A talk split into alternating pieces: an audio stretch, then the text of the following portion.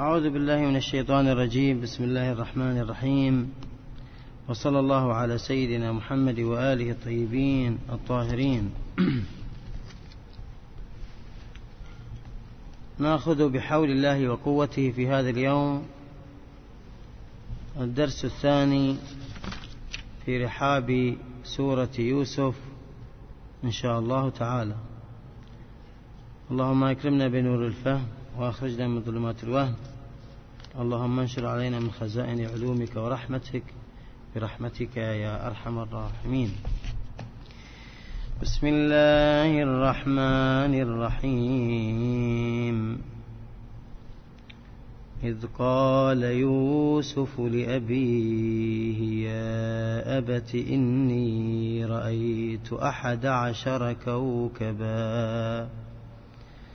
والشمس والقمر رأيتهم لي ساجدين. قال يا بني لا تقصص رؤياك على إخوتك فيكيدوا لك كيدا. إن الشيطان للإنسان عدو مبين.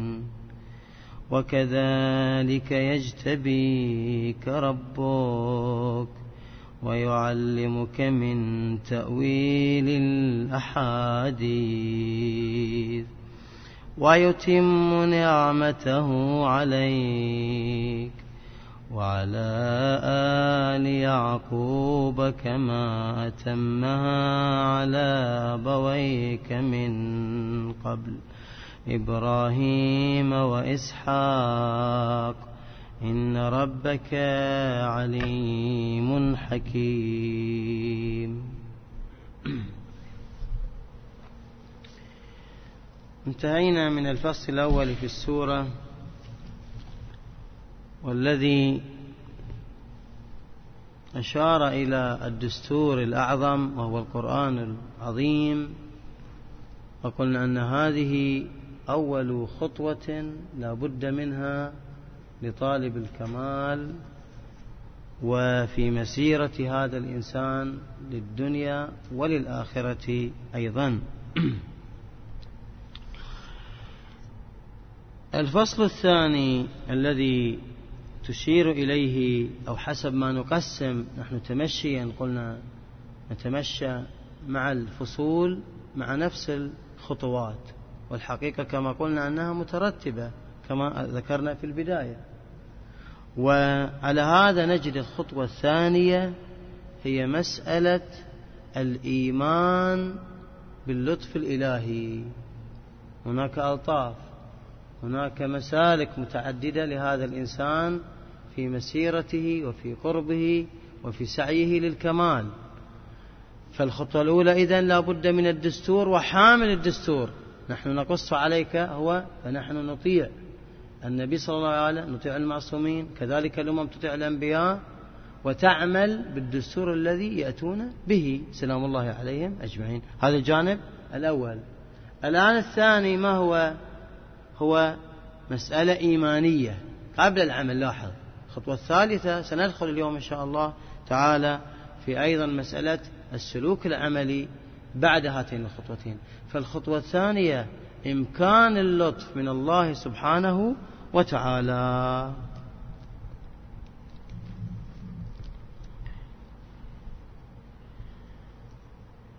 أيضا في هذا الفاصل الفصل الثاني بعد إمكان اللطف أيضا إشارة إلى الغاية. وماذا ينبغي أن يطلب هذا الإنسان؟ وهو الاشتباء والاشتباء كل بحسبه.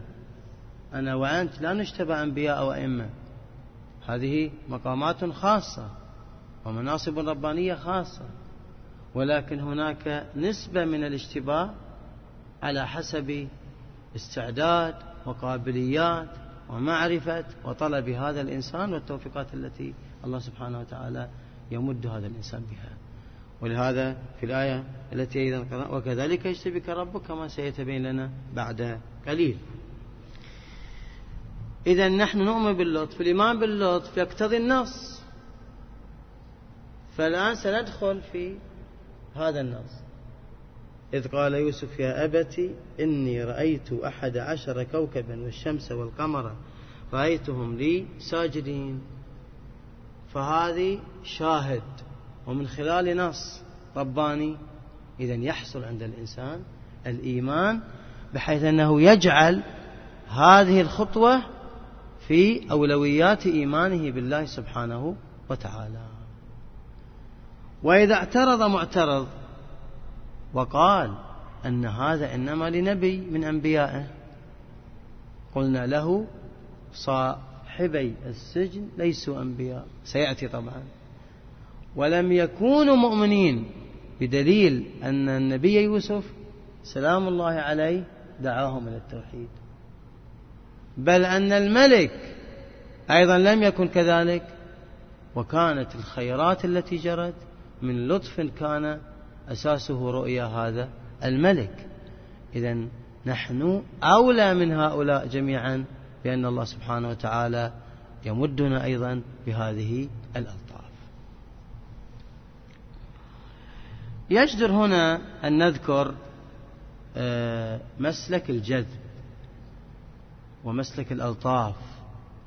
وقد ورد في مناجاة الإمام زين العابدين عليه السلام المريدين فيا من هو على المقبلين عليه مقبل وبالعطف عليهم عائد مفضل وبالغافلين عن ذكره رحيم رؤوف وبجذبهم إلى بابه ودود عطوف. وفي يوم عرفة كذلك تدعون الله سبحانه وتعالى إلهي حققني دعاء الإمام الحسين عليه السلام حق إلهي حققني بحقائق أهل القرب. هذه من حقائق الإيمان باللطف واسلك بي مسلك أهل الجد ومسلك الجد هو أن يعمل الإنسان ويلتزم ولكن مع الإيمان بالألطاف الإلهية فهذه مقدمتان مهمتان هاتان طبعا لحصول الألطاف الإلهية. إذا نحن نؤمن بهذا المسلك ونطلبه والقرآن أكده من هذه القضية وأهل البيت سلام الله عليهم أجمعين. كذلك. يجدر أيضا أن نذكر ما يتعلق بالرؤيا لأن بداية وبارقة الأمل الآن والتبشير للصديق يوسف بل لهم كواكب والشمس والقمر إنما أساسها رؤيا رآها الصديق يوسف عليه السلام. أها. هذه الرؤيا هي حق. طبعا هناك أحلام هناك أضغاث أحلام هناك أوهام. الرؤيا لها قرائن لها شواهد لها تحقق. ولكن من المهم جدا وهذا الكلام توصلوا للآخرين. حتى لا يكون هناك خلل في المنهجية. الرؤيا أن ما يراه الإنسان في المنامات ليس له حجية بالنسبة للأحكام الشرعية. ما يؤخذ به. حتى لو كان فقيها لو كان فقيه قد رأى من يقول له من العلماء أو حتى الإمام الحجة أرواحنا له الفداء قال له هكذا المسألة لا بد أن يرجع إلى الروايات وإلى المسائل الأصولية الفقهية. نعم تعينه هذا أمر لا بأس به. تعينه على أنه ماذا؟ يصل إلى المسألة بطرقها العلمية الحسية. الأمر الثاني بالنسبة للرؤيا أن لها عوامل ومقدمات تتحقق بها. وهذه العوامل تارة تكون محض خير من الله سبحانه وتعالى. ما عمل الإنسان شيء ولكن وفقه الله سبحانه وتعالى. وأحيانا لا هو يهتم بالالتزام بالورع مع اليقين فهذه تكون مقدمة بإذن الله. لعل الله سبحانه وتعالى يمن عليه بذلك. ولهذا عن ابن عباس أن الصديق يوسف عليه السلام قد رأى هذه الرؤيا وهو آه، ابن تسع سنوات. وفي آراء أخرى 12 سنة. لا فالقدر المتيقن أنه صبي عنده صفاء بغض النظر عنه نبي. هذا صبي الآن يرى. ولهذا إذا رأى طفل شيء وقال لك ترى احتمال يكون تحقق. هذا طفل عنده صفاء قال رأيت أنك وفقت في كذا أو, أو أصبحت هكذا. لا تستهين بهذه القضية. هذا عنده صفاء وما عنده مقدم خصوصا إذا بدون مقدمات. يعني مو متكلمين وصار في الليل وشاف. لا. هكذا جاء مباشرة يوم من الأيام قال رأيت أنك يا والدي حصلت على هكذا. إن شاء الله واشكر الله ولكن ضعها في اعتبارك أيضا وفي بالك آه كذلك أن الصديق يوسف عليه السلام رأى هذه الرؤيا في ليلة الجمعة وكانت من ليالي القدر. ونحن قلنا أن من أهداف درسنا أن نتهيأ لليالي القدر وألطافها العظيمة. الأمر الثالث أن يحسن من يرى التعامل مع الرؤى مع الرؤيا. أن يحسن التعامل إذا كان وجد لها قراء. ومن أهم وأول النقاط كتمان الأسرار. فهي إن شاء الله صحيحة ولكن عليه أن يكتمها كما هو حصل أن النبي يعقوب عليه السلام أمر ابنه أن لا يقصص رؤياه. إذا أن يحسن. وأما إذا رأى أمورا متعلقة بالآخرين فلا يعتمد عليها ولا يلتفت إليها ولا يصدقها. هذا معنى ما لا ليس هناك حجية. ولا يرتكز عليها ويرتب عليها إلا من حيثية احتمال أنه واقع. لا أنه واقع. ومن حيثية بالاحتمال أيضا أن يوصل الخير إلى الآخرين. على افتراض أن هذا الإنسان رأى إنسانا قريبا من مثلا أو صديق يعمل عملا منكرا. لا يرتب إطلاقا. ويقول هذه من الشيطان أو لعلها من الشيطان. لكن لا يضر أن يتحدث معه بالمجمل العام. لاحظين؟ ها؟ بالمجمل العام يتحدث معه بالاستعانة بما رأى. رأى المعصية الفلانية يتحدث معك كحديث اعتيادي. فإن كان وإن كان على نحو الاحتمال هو صحيح فلم يضر شيء. بل قدم النفع وإن لم يكن صحيحا فلم يضر في القضية شيء. تكلم في مسألة علمية ومسألة أخلاقية. تأملوا في هذا الجانب ترى من أهم الجوانب. النقطة الرابعة في هذه المسألة القرآن طرح هذه القضية وهي ضرب من ضروب الغيب. في سورة البقرة بدأ القرآن يؤمنون بالغيب وتعلمون وابتلي في هذا الزمان من لا يهتم بجانب الغيب في الأفراد الصحيحة المتحققة. بل هناك من يدعو لأن هذا منهج ليس لنا فيه أي اعتبار نستغفر الله تعالى. القرآن يطرحه ويبين بالأمثلة. ولهذا أنقل لكم أن هناك من يفكر من ينكر عفوا ما هو قائم على هذه الأمور على الرؤيا. من هؤلاء لحسن الحظ سيد قطب معروف سيد قطب يعني فسر له في ظلال القرآن ومتميز يعني بطريقة أيضا معينة. فسيد قطب هو نفسه ذكر في ظلال القرآن آه، إذا موجود معاكم تراجعون. أنه آه، كان ينكر هذه المسألة. وكان في أمريكا فرأى أن ابن أخته قد أصيب في عينه أحد إحدى عينيه أحد عينيه. فصار في قلق. فاتصل بمصر قال ما الأخبار؟ قال الأمور طيبة كلها ما عدا ابن أختك عينه أصيبت. فصار له دليل وجداني مباشر قوي. هذا بعد ولذلك ذكر هذه النقطة وبينها وأنها مسألة حقيقية وواقعية. نعم نستثني من يدعي أو يستغل هذه مسألة أخرى ولا أريد أن أخرج الموضوع لكن أريد أن أبين أهم النقاط المتعلقة إذا بمسألة الرؤيا ومن هنا أهل المعرفة أو العلماء أو مراجع يرون مما الله سبحانه وتعالى يهبهم. ليس من الصحيح أن ننكر من دون أي دليل خصوصا إذا كان صادق وكان علما وكان تقيا وكان ورعا. أنه ليس من السهولة أن يدعي ادعاء أنه رأى في منامه مثلا الإمام الحجة سلام الله عليه. إذا يشتبه ما يقول. فإذا أهل المعرفة وأهل الإيمان وأهل الصفاء والعرفاء خاصة يوفقون لمثل ذلك لمراتبهم العالية. ولهذا سيد الإمام الخميني رضوان الله عليه أفرد فصلا كاملا في كتاب الآداب المعنوية في الصلاة التحذير من من كل المقامات. كمقام كمقام. ليس كمصداق يعني واحد قال أصدق لا. حسب القرائن قلنا وحسب الشواهد الموجودة. أما إن كانوا من العلماء الأبرار لا. حتما الله سبحانه وتعالى يوفقهم ويظهرون ما فيه النفع ويؤثرون فهم علامة على الطريق بهذا المنهج أيضا مع المنهج العلمي.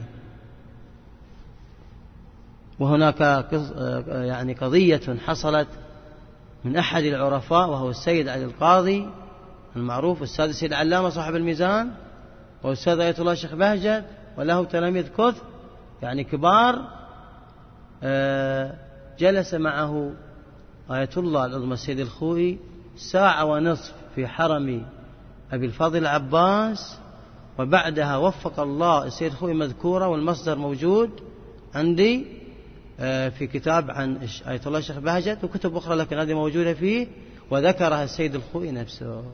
وقال بعد جلستي مع هذا العارف الكبير الذي عنده الرؤى الإلهية سواء برؤيا أو غيرها قد كشف لي مستقبل عظيم ورأيت نفسي هكذا ورأيت هو نفسه مو من خلال من رؤيا. من خلال هذا العارف الكبير. إذا هذا مسلك أيضا. ولكن يوفق إليه من يلتزم ويؤمن. ويؤمن. ومعها الملاحظات معها الضوابط الله سبحانه وتعالى كريم. هذا إذا آه، جانب لابد أن نذكره بمسألة الرؤيا ندخل الآن في رحاب الآية. إذ قال يوسف لأبيه يا أبت إني رأيت أحد عشر كوكبا والشمس والقمر رأيتهم لساجدين. هذا واضح جاء إليه وأخبره بما, بهذا بما رأى. هنا ملاحظتان. الأولى أنه كرر إني رأيت ثم كرر مرة أخرى حتى لا يشك فيه. وواثق جدا. فالتكرار يبعد الشك لأنه للتأكيد. هذا الجانب الأول. والجانب الثاني أنه قال رأيتهم وهم الآن جمع مذكر للعاقل. وهذا من القرائن التي تؤكد على أنه ماذا؟ رؤيا حقيقية ولها دلالة أيضا واضحة. بالتالي النبي يعقوب عليه السلام اتضحت له بشكل سريع وبشكل واضح. من هنا انتقل إلى الخطوة الثانية. يعني من بعد أن من بعد أن أعلم انتقل إلى خطوة كتمان الأسرار. ونفس الخطوات هم يحتاجها الإنسان كما قلنا. ها؟ أنت نعم ترتبي معي الآن طبعا ها؟ آمنا بالألطاف الإلهية. إذا آمنت الله سبحانه وتعالى إن شاء الله يفيض عليك وعلى كل مؤمن وعلى كل مؤمنة. إذا ضع في اعتبارك أن الكتمان مسألة مهمة لاعتبارات عديدة. من ضمن هذه الاعتبارات قال يا بني لا تقصص رؤياك على إخوتك فيكيدوا لك كيدا.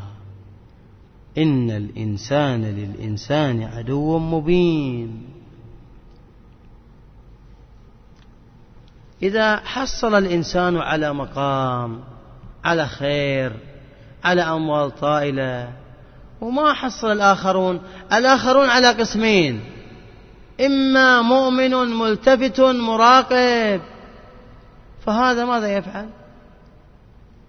ها؟ يدعو لهذا المؤمن ويسأل الله سبحانه الغبطة. أو لا وغالب النفوس ما وصلت إلى ذلك الإيمان. فوجود هذه المقامات أمام الناس الآخرين الذين هم لم يصلوا إلى الدرجة أو أو ذو النفوس الضعيفة منشأ للحسد. ولهذا الإنسان يكتم حتى لا يبسط جوا يتحرك فيه الحسد. هذا البعد عند الإنسان دائما للمقدمات. فلذلك يكتم هذه الأمور إلا طبعا لحالات خاصة لأهلها آه، لما فيها نفع مثلا هذا لا بأس. وأما بالشكل العام على الإنسان أن يكتم ما يوفق إليه. ولهذا قال إخوتك ولاحظوا يا أخوان لاحظوا أن القرآن عظيم جدا بحيث أتى بهذه القضية إخوة يوسف وأبناء نبي. إذا من باب أولى غيرهم. شوف شو القرآن؟ يعطيك مثل قوي. أنه حصل في طبقة معينة عالية في وسط فيه أجواء جيدة إيمانية. مع ذلك حصل. إذا التفتوا أيها الناس لنفوسكم وقلوبكم. فإن أنتم وثقتم من أنفسكم لا تنسوا أن الشيطان يترصد الآن يريد يحرك الجو. شوف هذا الإنسان أعطاه الله سبحانه وتعالى وأنت ما أعطاك. ما يقول لك أنت في اختبار ولازم تصبر ولازم تدعو. لا يجعلك تنظر هالنظرة حتى يبدأ تتحرك عوامل الحسد وبالتالي يقع الإنسان في هذه المغبة. ولهذا النبي يعقوب عليه السلام آه إذن أمر بأمور. كتمان الأسرار الأمر الآخر الإخبار والبيان أن الشيطان موجود. الشيطان متى يستطيع التأثير؟ إذا وجد ساحة ووجد جو. إذا وجد منطقة هشة عندنا. هذه منطقة هشة الآن إذا نحن تحرك شيء من الحسد. أما إذا الإنسان لا ما عنده منطقة هشة ما يقدر ولا يقدر يصير عدو ومبين مبين واضح صحيح. ولكن لا يستطيع أن يفعل شيء. كالذين استخلصهم الله سبحانه وتعالى ها؟ إلا عبادك منهم المخلصين. هو يقول الشيطان تمامنا إذا هنا آه، من لوازم آه، من لوازم الأمور التي ينبغي أن يلتفت إليها بعد توفيق الله عز وجل للإنسان أن لا يدع فرصة وأن يراقب نفسه على أي تحرك من الحسد أو غيره. بالذكر بالدعاء للآخرين وبالتالي يكون في مأمان زين. العمل بالدستور الإيمان بالألطاف كتمان الأسرار الحذر من الشيطان مقدمات للاشتباء. وكذلك يجتبيك ربك طبقوا أنفسكم. وكذلك يجتبيك ربك. هذه عوامل الاشتباء. من أهم عوامل الاشتباء إذا التي نسعى بها هي هذا. وإذا اشتبى الله الإنسان ما الدلائل؟ ما الدليل أن الله اشتبى هذا الإنسان وقربه أن يعلمه الله ويوفقه؟ ولكن ليس يوفقه في العلوم الطبيعية فحسب وكذا ولكن يوفقه للعلوم الربانية والحقائق الإلهية التي هي بالقرآن ومن خلال المعصومين سلام الله عليهم. أجمعين. ولذا قال لاحظ أول نقطة ويعلمك من تأويل الأحاديث. يوفق الإنسان. بنسبة نقول نحن معينة. بعد وهذه أعظم النعم. وتمام النعم. ويتم نعمته عليك. لاحظ؟ إذا من شواهد الاشتباه راح سأذكر نقطة مهمة. من شواهد الاشتباه أنك توفق للعلم بالحقائق. اللي في التوحيد درستموها واللي في النبوة واللي بالعدل وبعد واللي بالإمامة واللي بالمعاد. ولنرجع إلى سورة المائدة في آية الولاية تنصيب أمير المؤمنين عليه السلام. اليوم أكملت لكم دينكم وأتممت عليكم نعمتي وهنا ويتم نعمته عليك إذا من عوامل الاشتباه والتوفيق أن يقرب الإنسان إلى الإيمان بالولاية وأن يكون من أهل الولاية كما في مناجاة شعبان أقمني في أهل ولايتك مقام من رجى الزيادة من محبتك. نعم. هذا إذن من أجل الأمور وهذه النعمة العظمى. وليست هذه النعمة عليك أنت فحسب وإنما ستكون الانعكاسات والآثار. ولهذا ويتم نعمته عليك وعلى آل يعقوب ذريتك من يكون حولك. ما دمت أصبحت مجتبى وقريب من القرآن ومن حقائقه ومن أهل الولاية ومن الولاية ومن أهل البيت ومن الإمام الحجة. وآمنت. اعلم أن الآثار تنطلق منك. فالفيض عليك والفيض منك. وعلى آل يعقوب. وهذا الأمر ترى حصل لأجدادك من قبل. الحمد لله. بالتالي نشكر الله أن جعل أجدادنا وآباءنا كلهم جعلنا من أهل الولاية من غير اختيارنا. لكن من باب الشكر نحن ماذا؟ أن نتقدم في طريق الولاية وأن نقرب وأن نقرب الآخرين إلى هذه الحقائق. حتى الله سبحانه وتعالى يجتبيهم ولو بقدر معين. ثم قال إن ربك عليم حكيم. ومر علينا في باب التوحيد تذكرون؟ عندما قلنا أن من ثمرات الثمرات العملية ثمرات العقل العملي عندما نؤمن بأسماء الله عز وجل التعامل بها. تقول في الدعاء يا الله. لكن إذا مريض ما تقول يا صانع؟ ها؟ تقول يا شافي؟ ها؟ إذا تطلب الرزق تقول يا رازق وهكذا. أنت إذا قلت آه، وأنت تطلب الرزق يا حكيم لم تخطئ الله هو الحكيم. ولكن هكذا تعلمنا. هذا المنهج عظيم موجود في آيات القرآن. الآيات اللي بها عن التوبة شوف الأخير غفور رحيم. وهكذا على حسب الآيات. دققوا فيها.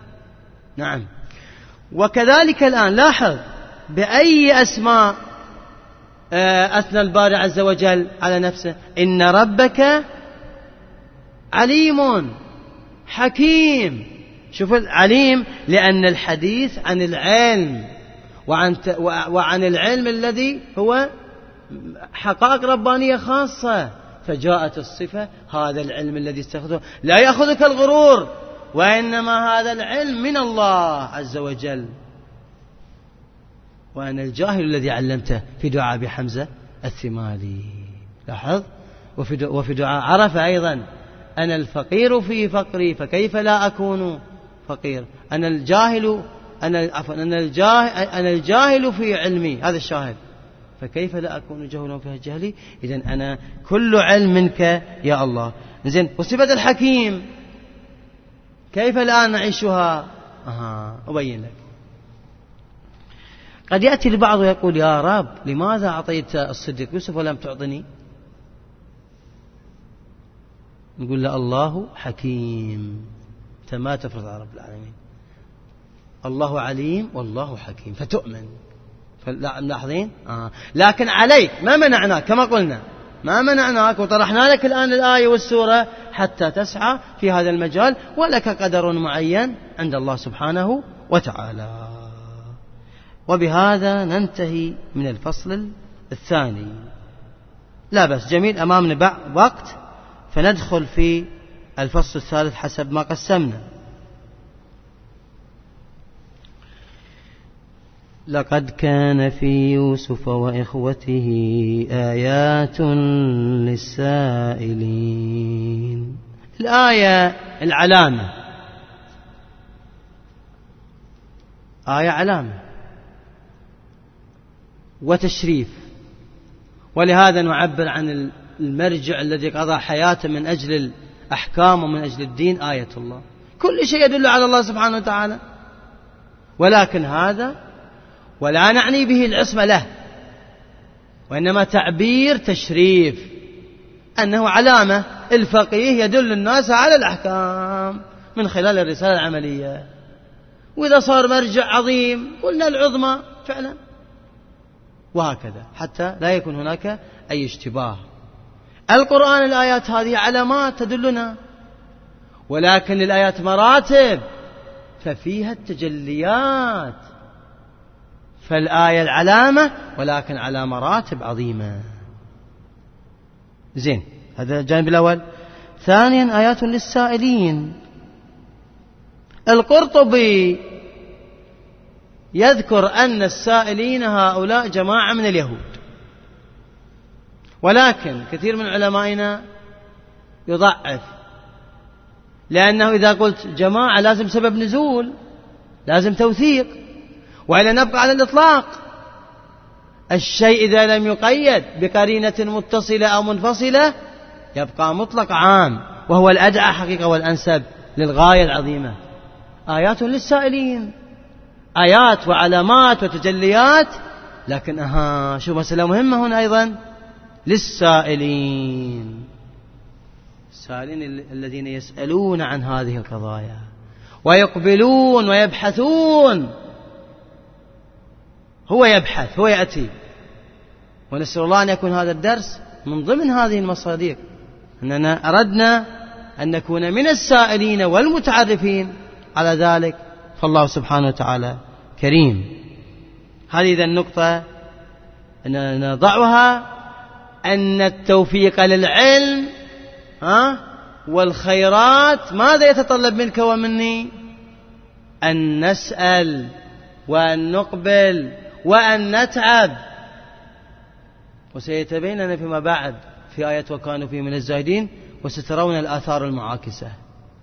إذا زهد الإنسان في العلم إذا زهد في الخيرات إذا زهد في القرآن إذا زهد عن إنسان يريد أن يوصل له يحرم منه. وعلى العكس إذا رغب وإذا سأل. ثم بعد ذلك دخل في فصل جديد. وهذا هو المتعلق ببناء النفس. الآن سندخل نقاطا عملية بعد أن عرفنا هذه النقاط وآمنا بها وحاولنا أن نحصل الإقبال إليها.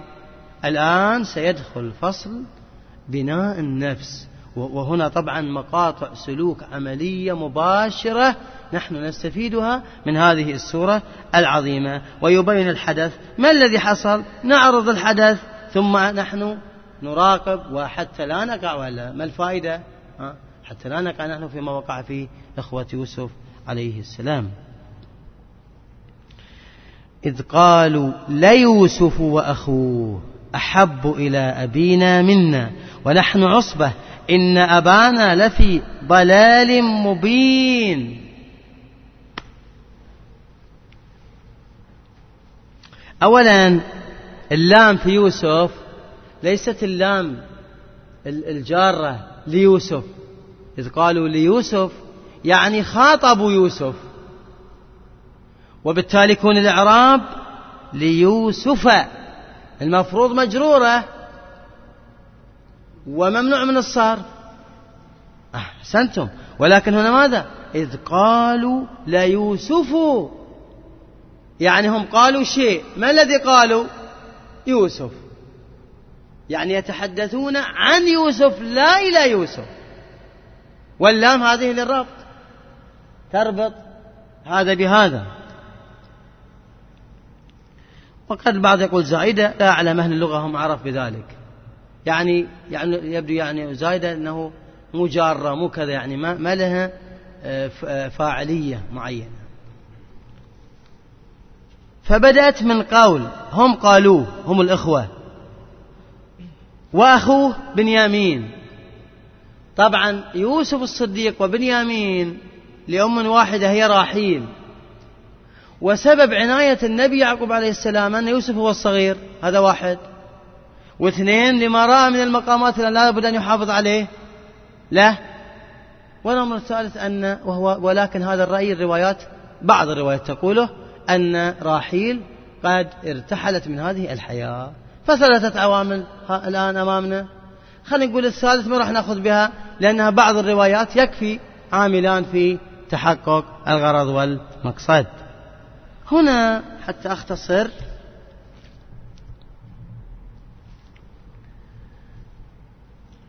آه بيان في عوامل الوقوع في المعصية. أنتم إذا تلخصون سجلوا. لأنك تتحدث عن النص هذا فقط. ها؟ أو أحد يسألك ما هي عوامل الوقوع في المعصية؟ إذا تخلص هذا النص يحتوي. ما هي هذه العوامل؟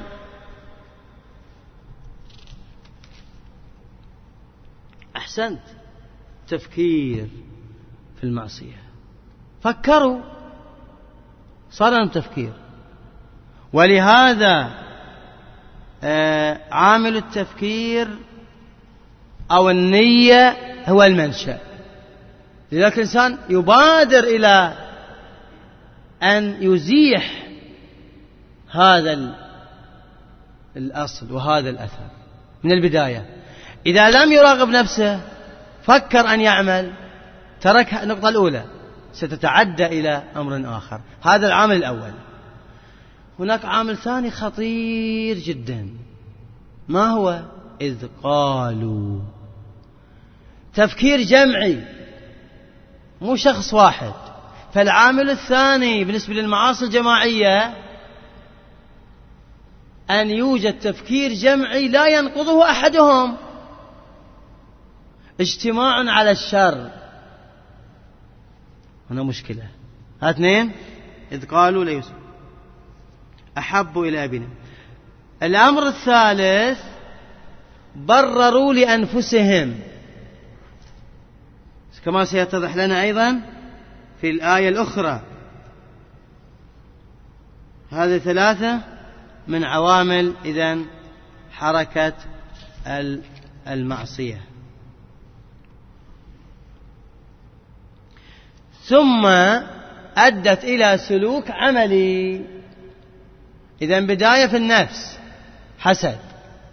ثم التفكير ثم الاجتماع مع الأسف على الخطأ ثم الإقدام. وقبل الإقدام القرار ظهروا بقرار خطير. شوفوا القرار خطير من إخوة. اقتلوا يوسف أو اطرحوه أرضا يخر لكم وجه أبيكم. يعني قتل. قتل قتل. لاحظوا المصيبة عندما يكون التفكير جمعي ولا يرد أحد منهم. أو اطرحوا أيضا اضربوه. ضربة حتى مثلا يموت أو كذا. لماذا يخلو لكم وجه أبيكم؟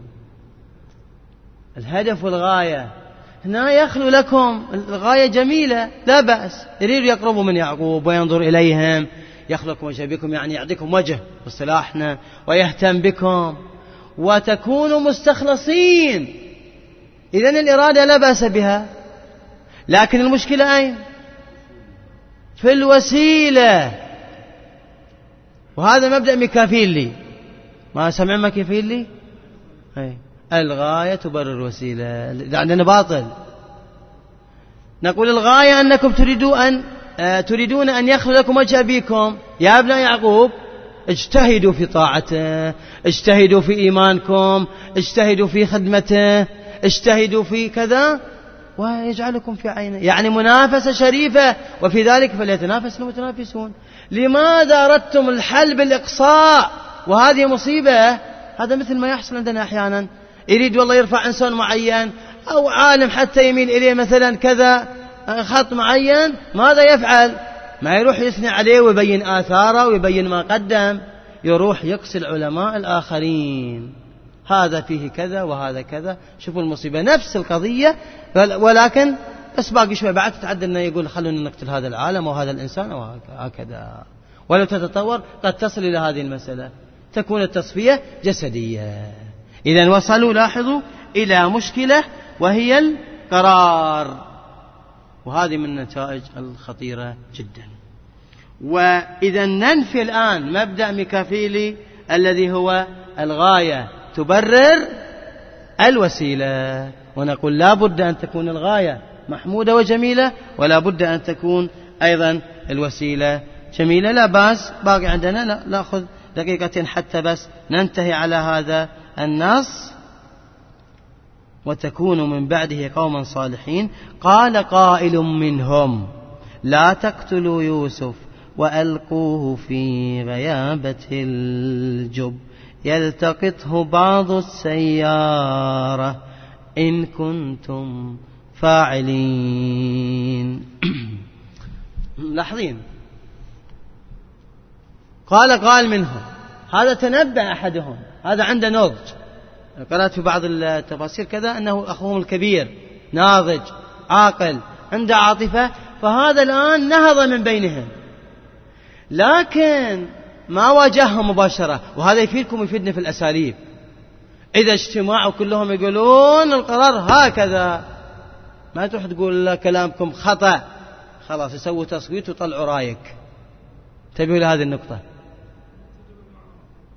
أحسنت. معارضة صعبة. لأن هنا في ترشيح عندهم مجالات معينة. فماذا فعل أخوهم الآن؟ قال قائل منهم لا تقتلوا يوسف. هذا الآن عارض صحيح. نعم. لكن بعدها ماذا؟ قال وألقوه في غيابة الجوب. ماذا يتحقق من إلقاء في غيابة الجب ها؟ أولا أحسنت. فشوف نفى القتل وأبقاه حيا. هذا واحد. الأمر الآخر أنه دفع هذه بالفقه عندنا أو قاعدة في الأصول دفع الأفسد بالفاسد. دفع الأفسد بالفاسد. وهذه لها تطبيقات عملية كثيرة دفع الأفسد بالفاسد. انتبهوا. في الطب أنا أمام أنتم مجموعة من الشباب يدرسوا في الطب طبقوها يا يبتر كذا أو يموت. بعد شو تسوي؟ هذا محتاج أنت أن تدفع.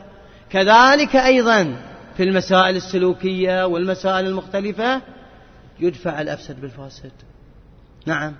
فلو افترضنا أستغفر الله ربي وأتوب إليه ها أن إنسانا حصل أذكر هذا المثال بس كتطبيق عملي راسلني عبر النت لا أعرفه قال أنا أنا واقع في جرائم انقذني. قلت الله لي ينقذك. ماذا؟ قال اللواط والزنا والعادة السرية نستعيذ بالله منها كلها كلها كبائر. فبدأت وياه العلاج.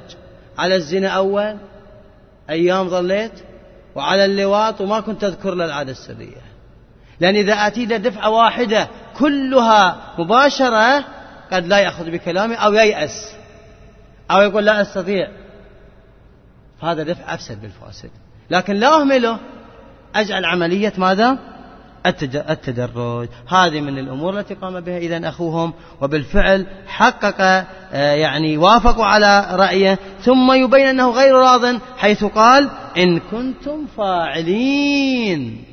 إن كنتم فاعلين. واضح أنه لم يرضى لكن لم يستطع المواجهة المباشرة وبالفعل خطوا على رأيه وساروا على رأيه الأخاف إذ ذهبوا إلى أبيهم يعقوب. يتبين إن شاء الله في الدرس القادم. والحمد لله رب العالمين. وصلى الله على سيدنا محمد وآل محمد.